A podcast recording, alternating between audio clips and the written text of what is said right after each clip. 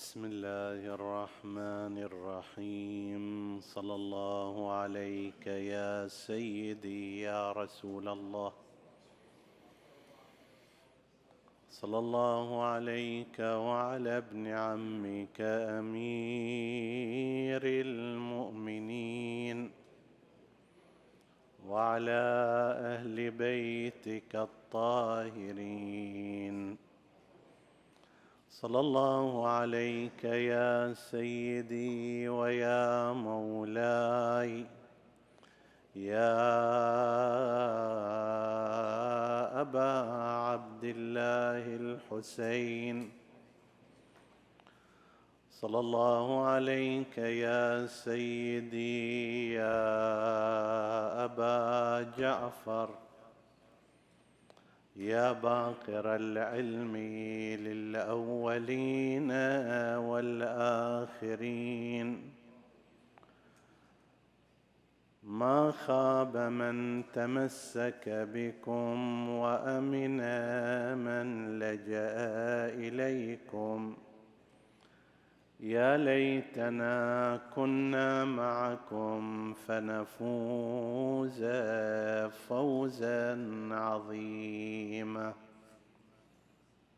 عطروا مجالسكم بذكر محمد وآل محمد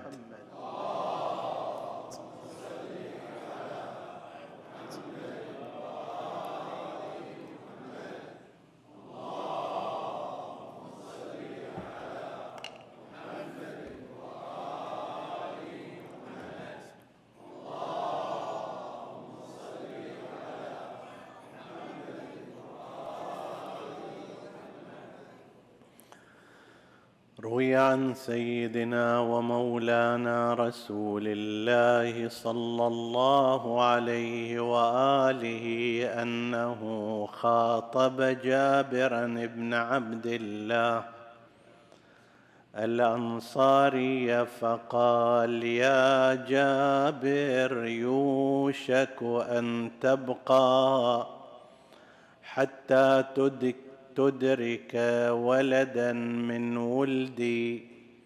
يقال له محمد بن علي بن الحسين. يبقر العلم بقرا فإذا أدركته فأبلغه عني السلام. صدق سيدنا ومولانا رسول الله صلى الله عليه وآله. ونتحدث في هذه الليلة عن شيء مما يرتبط بشؤونه صلوات الله عليه مستهدين بحديث رسول الله. حديث النبي يعد من الإخبارات المستقبلية الصادقة لرسول الله ويحتوي على فوائد مهمة للغاية. نبينا الأعظم صلى الله عليه وآله كما بلغ القرآن وبين العقائد وشرح الأحكام أيضا أخبر عن المستقبل وما سيجري فيه لا لأجل الترف الفكري وإنما لكي يضع علامات على طريق الهداية. تارة الإنسان يكون عنده معلومات عن المستقبل يقصد بها عندما يتكلم نوع من إظهار العلم أنه هو عالم بالحاضر والمستقبل. النبي صلى الله عليه وآله ما كان بحاجة لهذا وإنما غرضه هداية الأمة في زمانه وفيما يستقبل من أيام هذه الأمة. ولذلك وضع علامات أخبر إخبارات أنبأ عن أمور تستفيد منها الأمة في طريقها. مثلا قال في شأن عمار بن ياسر يا عمار آخر شرابك ضياح من لبن وتقتلك الفئة الباغية. الغرض من هذا مو أن يبين أن هذا راح يشرب كاس حليب آخر عمره. هذا ما إلى فائدة. الفائدة العظمى هي في تقتلك الفئة الباغيه بس ذاك الأول حتى ياكد هذا أن هذا خبر عليه شاهد. طيب. فكان أن حصل هذا استشهد عمار في صف علي وطلب في هذه الحال شيئا يشربه فما كان إلا قعب لبن حليب من ضرع الناقة أعطي إليه. فتحقق عند الناس كلام رسول الله في جهتيه أنه من جهة آخر شرابه هذا ومن جهة قتلته الفئة الباغية وهي التي كان على رأسها معاوية. وأمثال ذلك كثير. أبو ذر يجي يتكلم وياه تموت وحدك تعيش وحدك تموت وحدك تبعث يوم القيامة أمة وحدك في إشارة إلى سلامة خطي حتى يقول للناس أيها الناس إذا رأيتم أبا ذر في طريق فهذا الطريق هو الذي يرضاه رسول الله صلى الله عليه وآله. الغرض من ذلك اذا في إنباءات رسول الله وهي كثيرة. يا علي يخبر أنه أنت آخر شيء تخضب شيبتك من هامتك أو في سلامة. أنا من ديني يا رسول الله. هذا استفهام لكي يخبر النبي صريحا ويسمعه الناس. قال بلى يا علي من قتلك فقد قتلني ومن حاربك فقد حاربني. إلى غير ذلك. هذا الحديث الذي قاله النبي لجابر بن عبد الله الأنصاري هو من تلك الإنباءات التي يريد منها النبي صلى الله عليه وآله توجيه الأمة إلى المنهج الصحيح الذي يرضاه كما سيأتي في الحديث بعد إذن. هذا واحد. الأمر الثاني في هذا الحديث أن النبي صلى الله عليه وآله أخبر أن جابرا سيعيش إلى ذلك الوقت إلى زمان الإمام الباقر. وبالفعل جابر ابن عبد الله الأنصاري توفي سنة تسعة وسبعين هجرية يعني بعد ولادة الإمام الباقر عليه السلام بنحو 22 سنة. الإمام الباقر ولد في سبعة وخمسين هجرية قبل كربلاء بنحو أربع سنوات وتوفي في سنة تسعة وسبعين هجرية. الإمام الباقر عليه السلام أدركه في وقت مبكر وبقي جابر إلى فترة لا بأس بها يعني إلى أن صار عمر الإمام الباقر 22 سنة وكان الإمام الباقر يتردد على جابر لحكمة سنشير إليها. فيما بعد. فهذا اولا إخبار صادق أنك يا جابر ستبقى على قيد الحياة إلى أن تدرك أيام محمد بن علي بن الحسين وهو الباقر عليه السلام. جابر في ذاك الوقت اللي توفي كان معمرا كبيرا. بعضهم يقول تخطى التسعين من العمر يعني سنة وفاته تسعة وسبعين نحو 92 93 سنة عمره. هذا إنباء صادق ووصف النبي صلى الله عليه وآله. الإمام الباقر اولا بأنه ولدا من ولدي.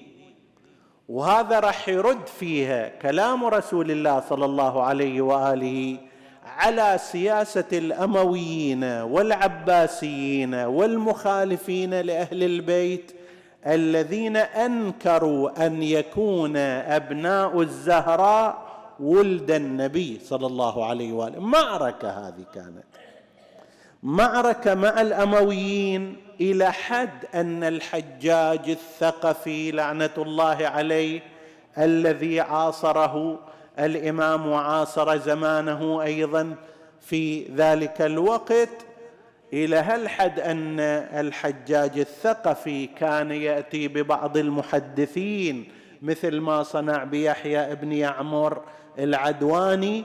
وقال له أنا أسمع أنت تقول تحدث أن الحسن والحسين ابنا رسول الله وإنما هما ابنا ابنته مو أبناء رسول الله ذولا والعرب تقول كلمة غير صحيحة طبعا هم يأخذوها كأنما هي مسلمة بنونا بنو أبنائنا وبناتنا بنوهن أبناء الرجال الأباعد. يعني أنا ابني هو ابني لصلبي أما ابن بنتي هذا مو ابني وإنما ابن الأباعد. فإذا كان كذلك وهذا شعر مجرد شعر واحد قال هكذا بس حولوه إلى ما يشبه القرآن المنزل عندهم. يقول لك هذا اذا الحسن والحسين أبناء علي وليسوا أبناء رسول الله. فضلا عمن بعدهم. الإمام هنا يقول لا ستلقى ولدا من ولد هؤلاء هم ولدي والباقر ولدي أنا رسول الله.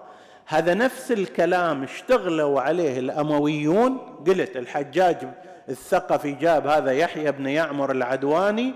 وقال له أنت تقول هكذا لئن لم تأتني بها من كتاب الله قطعت عنقك ولا تأتني بآية وأبنائنا وأبنائكم.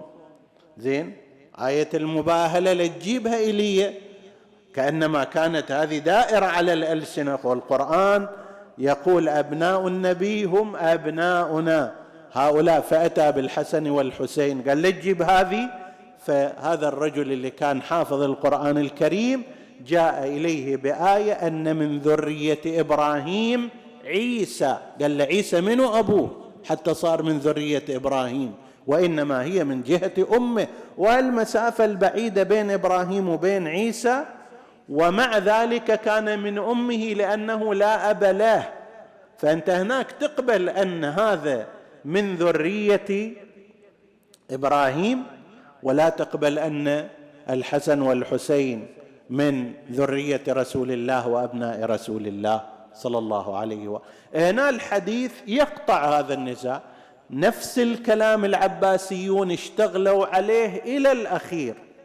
إلى الأخير قالوا الحسن والحسين وأبنائهم هؤلاء أبناء علي بن أبي طالب وليسوا أبناء رسول الله لأن في زعمهم إذا صاروا أبناء رسول الله هم أقرب وإذا صاروا اقرب هم أحق بالوراثة وإذا صاروا أحق بالوراثة الخلافة صارت لهم. لذلك نفوا المسألة من البداية. الحديث الشريف يقول لا هذا ولد من ولدي. هذا أمر آخر. بعد من صفته ماذا؟ يبقر العلم بقرا. و فإذا أدركته فأبلغه عني السلام بالفعل. جابر أدرك الإمام الباقر عليه السلام وأبلغه سلام رسول الله. يبقر العلم شنو هذه في فائدتها هنا؟ هاي اللي تبين أهمية دور أو جانبا من أهمية دور الإمام الباقر عليه السلام. زمان الإمام الباقر عليه السلام تقريبا بدأت تتشكل المذاهب في الأمة. إليها أصول ولكن في زمان في نهايات زمان الإمام زين العابدين وبدايات زمان الإمام الباقر عليه السلام تشكلت المذاهب في الطرف الآخر.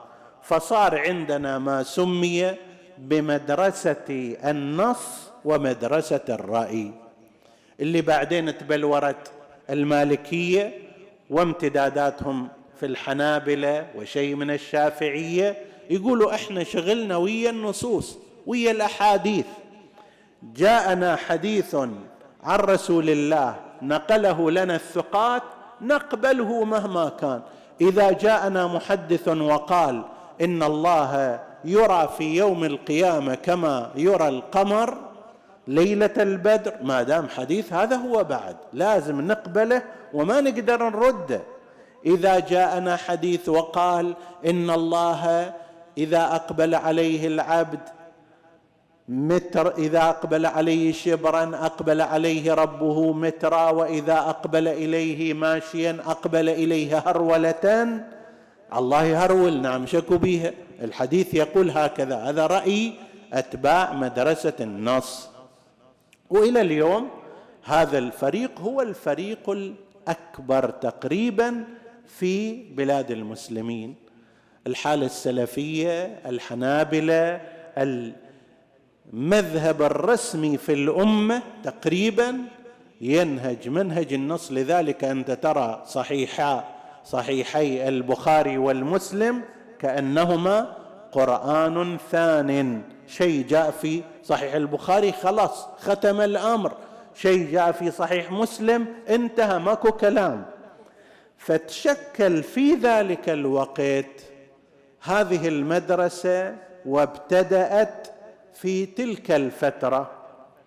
المدرسة الأخرى أيضا اللي تسمى بمدرسة الرأي واللي بدايتها كانت في زمان الخليفة الثاني عمر بشكل واضح كان يدعو إليها. وما يسمى باجتهادات الخليفة كلها كانت نابعة من هذا الأمر إلى أن تبلورت بشكل أوضح في منهج أبي حنيفة النعمان المذهب الحنفي. والمذهب الحنفي اليوم يحتل مساحة واسعة من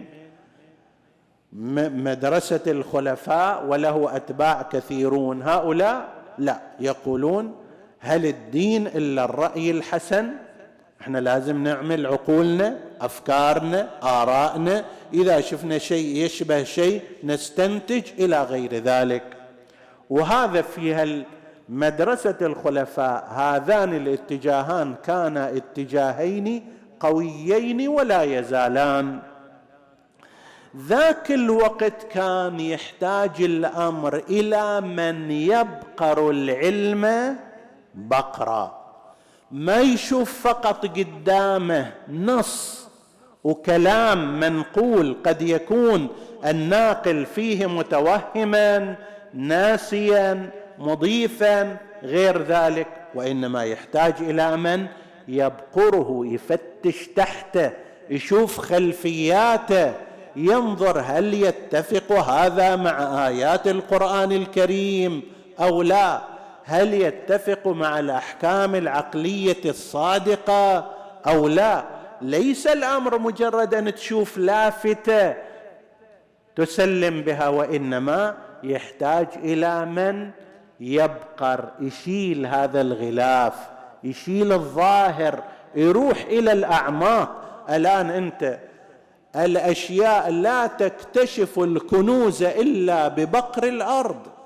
هاي الأرض اللي عندك أنت إذا تطالع فقط التراب اللي فوقها تقول هذا كله وسخ وتلم ثوبك حتى لا يصير عليه هذا التراب. لكن تعال ابقر هذا الأرض. لا تستطيع زراعة شجرة إلا ببقر الأرض والحفر فيها. لا تستطيع اكتشاف معدن إلا ببقر الأرض استخراج ذلك المعدن لا تستطيع الوصول إلى النفط إلا بالحفر والبقر بشكل كبير. الزراعة الصناعة الثروة غير ذلك لا تحصل بمجرد مماسة الظواهر. العلم هو أشرف من كل ذلك وهو الذي يحتاج إلى بقر وبحث وتعمق وترسخ. وإلا القرآن الكريم موجود عند كل الناس. ما هو الفرق بين العالم المفسر والفقيه المجتهد وبين شخص عادي كلاهما يقرأ القرآن الكريم؟ لكن هذا الإنسان الذي لا يبقار لا يفتش لا يتعمق لا يبحث هذا يكتفي بالظاهر.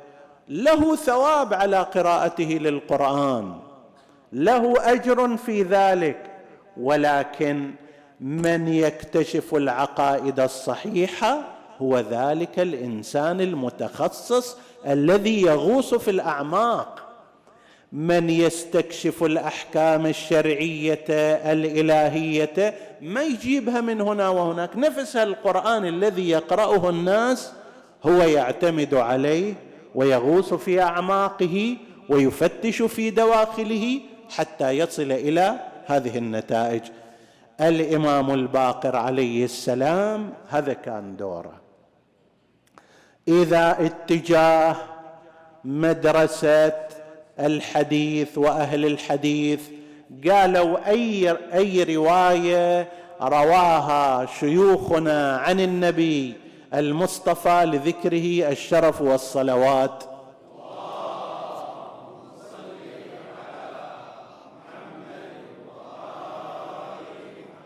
جاب لك هذه الرواية من سطر من سطرين من ثلاثة أكثر من ذلك. هذه خوب الرواية مو أكثر من القرآن. الفرق هو ماذا؟ أن عالما يأتي ويتفحص في هذه الرواية يتعمق فيها يبقر بطنها الظاهري يفتش عن ما تحت ترابها الخارجي يغوص في أعماقها فيكتشف أساسا هل هذه الرواية تتسق مع القواعد تتسق مع الآيات تتسق مع مبادئ الإسلام أو لا. ثم إذا كانت كذلك ما هي الأحكام؟ والأفكار التي يستفاد من هذه الرواية. هنا يجي دور الإنسان الفاحص دور الإنسان الباقر دور الإنسان المتعمق. وقد وصف أعلم الخلق وهو رسول الله صلى الله عليه وآله مولانا الإمام الباقر عليه السلام بأنه مو بس يبقر العلم وإنما يبقر العلم بقرا يقولون هذا استخدام المصدر هنا والمفعول المطلق في هذه الحالة يشير إلى شدة وكثرة. تقول مثلا ضربت فلان ضربا يعني شنو؟ يعني شيء كثير مو ضربة واحدة ولا ضربتين. طيب أغنيته اغناء يعني مو بريال وريالين وثلاثة. بقرت العلم بقرة مو في مسألة ولا مسألتين ولا رواية أو روايتين وإنما بشكل كبير. وهذا الوصف يختلف بين يكون إنسان عادي مثلي وأمثالي. إحنا متعودين على المبالغات. أحجامنا أساسا هي أحجام قليلة. سعتنا سعه قليلة. طيب فإذا واحد حفظ إلى ألف مسألة نقول ما شاء الله هذا علم علما كثيرا بينما بالنسبة لرسول الله الذي عنده علم الأولين والآخرين هذا لا شيء. فلما النبي يقول عن الإمام الباقر بقر العلم بقرا يتبين أن هذا شيء استثنائي للغاية. في بعض الروايات الأخرى يبقر علوم الأولين والآخرين وهذه بعد أوضح وأمثل وأكثر. الإمام الباقر عليه السلام كأن النبي يقول في ذاك الوقت اللي راح تجي مذاهب ومدارس تتسم بالسطحية تتسم بالظاهرية سواء الظاهرية العقلية. ترى حتى قضية العقل الآن يجي مجرد أن شيء يشبه شيء آخر يقول لك إي نعم هو هذا الأمر هكذا. بينما قد لا يكون من الناحية الشرعية كذلك. المشابهة بين شيئين في جهة واحدة لا تستدعي بالضرورة أن تكون أحكام الشيئين في كل الجهات واحدة. ولهذا أمثلة كثيرة ونماذج كثيرة. النبي صلى الله عليه وآله يقول في ذاك الوقت اللي راح يصير عند الناس مذاهب مدارس توجهات فكرية. هذه ترى تتسم بالسطحية ظاهر التراب تحتاج إلها إلى إمام يبقر هذا الظاهر يفتش في الأعماق يتوصل إلى البطون وما بعد البطون حتى يهدي الناس إلى الصراط الحق. وهذا ما كان عليه مولانا الإمام الباقر صلوات الله وسلامه عليه. لذلك الإمام الباقر عليه السلام ومن بعده ولده الإمام الصادق عليهما السلام يعتبران المؤسسين للمذهب الحق مذهب آل محمد.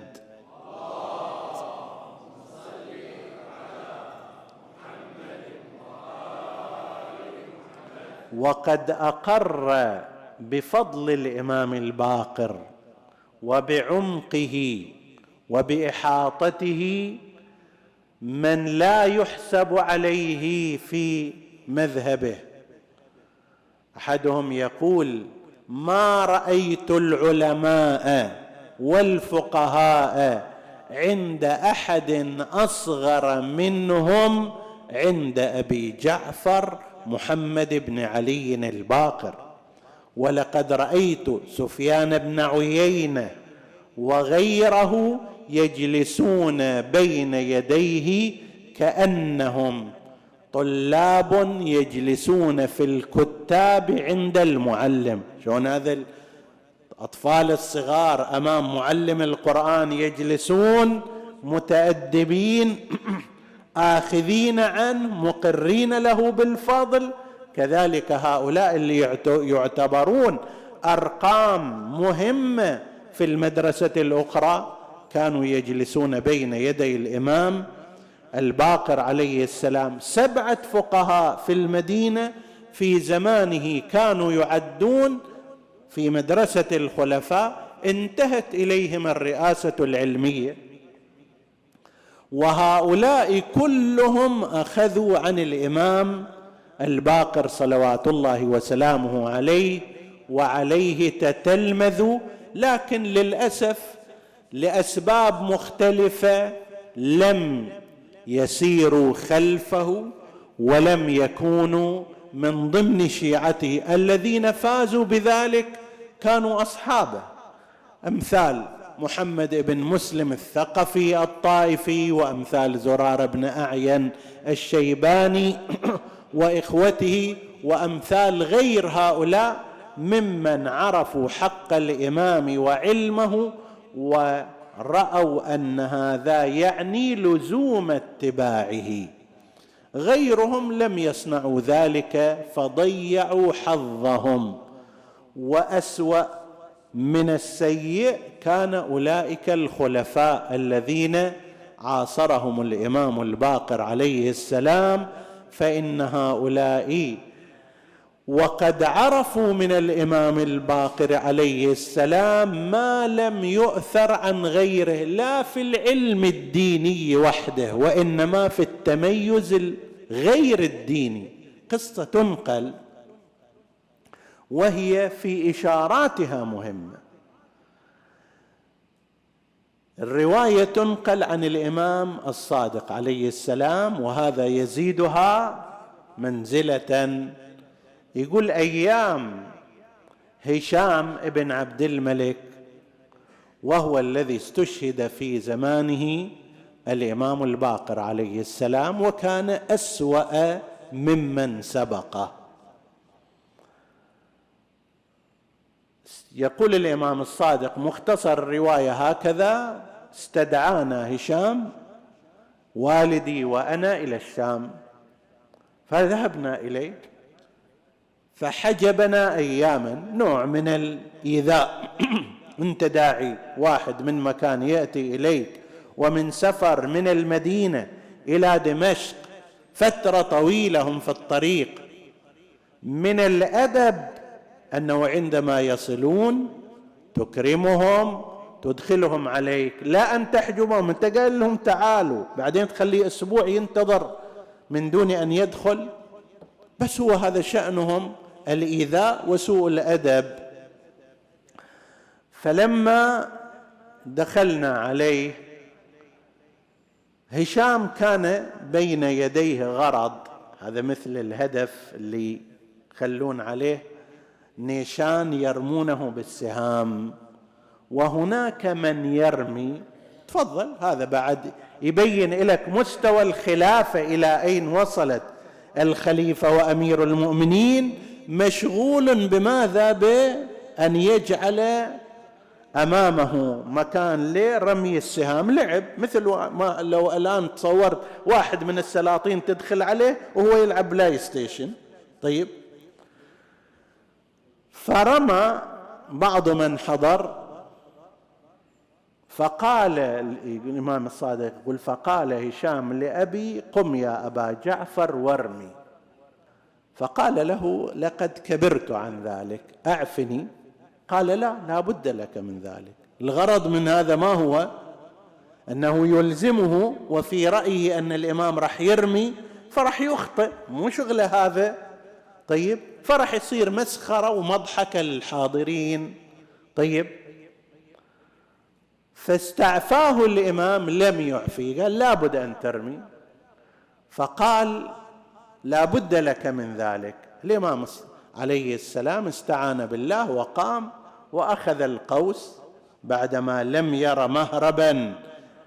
في الاستعفاء أخذ القوس ورمى في قلب الغرض في نقطة المركز تماما وثبت السهم هناك. أخذ سهما آخر. وضرب في قلب ذلك السهم الأول فشقه إلى نصفه وثبت فيه. فهذا هشام وكان أحول العين يعني صعدت عينه في أم رأسه لأنه يمكن واحد يصيب أول نقطة في المركز لكن أنه السهم الثاني يجي يشق السهم الأول إلى نصفه ويتعلق به هذا شيء استثنائي. ثم رمى سهما ثالثا فشق السهم الثالث. فقال له يا أبا جعفر يكفي هذا من أين تعلمت هذا الرمي؟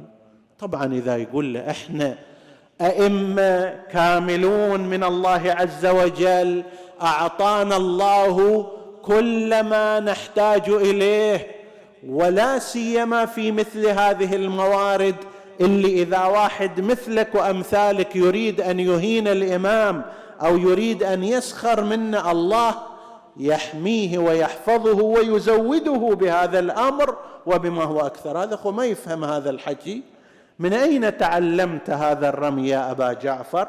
فقال كان يرمي به بعض أهلنا. ولما رأى هالشكل قال له خلاص يكفينا هذا. ثم بعد ذلك أجلسه عنده وصرف شنو جايبه من المدينة إلى دمشق حتى مثلا يخليه في هذا الموقف؟ الشاهد أن الأئمة عليهم السلام مو فقط تفوقهم في يبقر العلم بقرا وإنما في سائر الأمور الأخرى التي يزودهم الله فيها بمختلف الكمالات لكي يكون لهم الحجة البالغة على من سواهم فلا يتقدم عليهم أحد من البشر في أي فن من الفنون ولا علم من العلوم.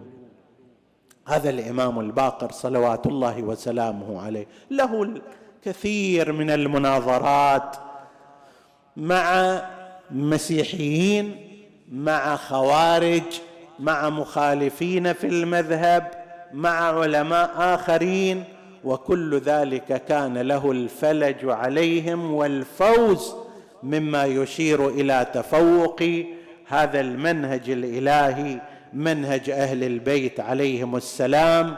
ولذلك حقد عليهم أولئك الخلفاء اللؤماء من بني أمية ولا سيما هذا هشام ابن عبد الملك الذي كان سيء الخلق جدا وكان في قلبه غل وحقد على أئمة أهل البيت عليهم السلام فبدأ يكيد للإمام سلام الله عليه للتخلص منه ولقتله صلوات الله وسلامه عليه فكان أن أمر واليه على المدينة المخزوم أن يسمم الإمام سلام الله عليه. أكو بعض يقول ترى ما ثابت بعض القضايا من سم الأئمة عليهم السلام. نقول أساسا هذا بين قوسين وإلا يحتاج إلى حديث مفصل. قضية التسميم كانت سياسة متبعة عند بني أمية وبني العباس بنطاق واسع جدا حتى في التخلص من المنافسين فيما بينهم. أبناء عمومتهم إخوتهم كانوا يغتالونهم بالسم فضلا عن مثل الأئمة عليهم السلام. وطبيعة التسميم هي قضية خفية لما واحد يجي يقول لا نريد فد شيء نقطع به. ما يصير ذاك الوقت اغتيال وتسميم خفي وما شابه ذلك. وإنما هي بعض القرائن تجمع هنا وهناك فتشكل هذه الصورة.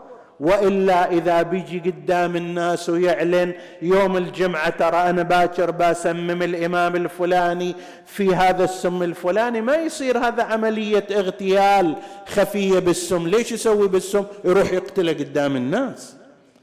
قضية التسميم هي تعتمد على أساس الإخفاء والخديعة والسرية وبطرق ملتوية لكن أحيانا تكون هناك قرائن عليها واضحة لمن يجمعها في أن هذا قد حصل وهذا ما حصل للإمام الباقر عليه السلام عندما أمر هشام ابن عبد الملك واليه على المدينة المخزومي أن يسمم الإمام عليه السلام.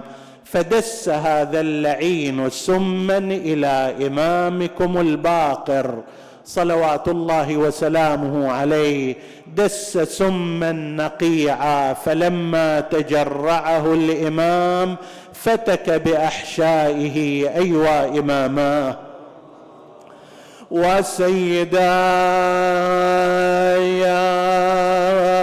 وسيداياه وإماما هو مظلوما. دس إليه ذلك السم فلما تجرعه أحس ما بين فمه وأحشائه كأنما يشرح بالمواسي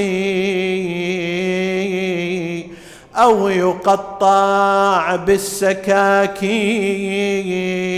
عند احتضار اجله اجتمع حوله أهل بيته.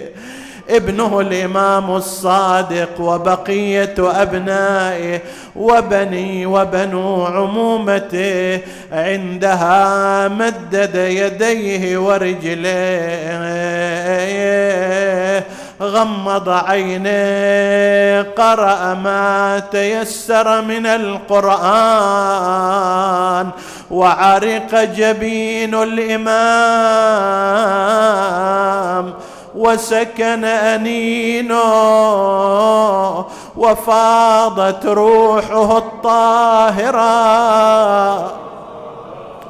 أين المنادي واماما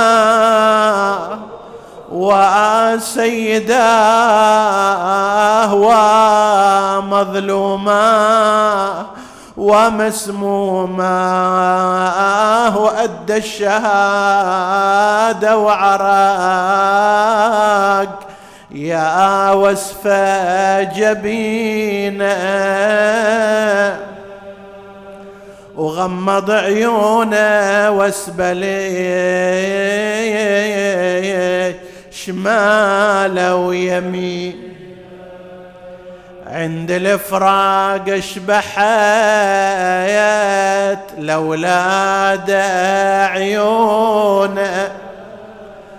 وعرجت روح الجنة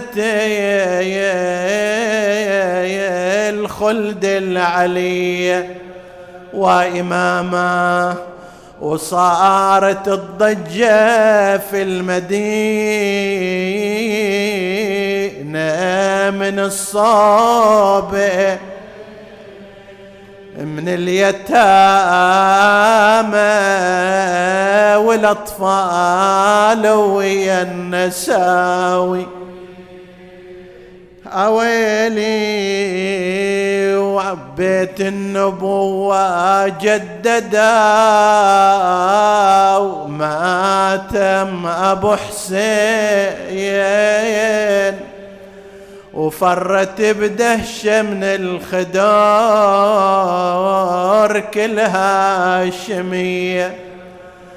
خرج الناس إلى قبر رسول الله يعزونه بالإمام الباقر وينعون إليه ولدا وكأن زينب عليها السلام في ذلك تقلدهم وتذكر برسول الله وتقول وهي ترثي الحسين لرسول الله.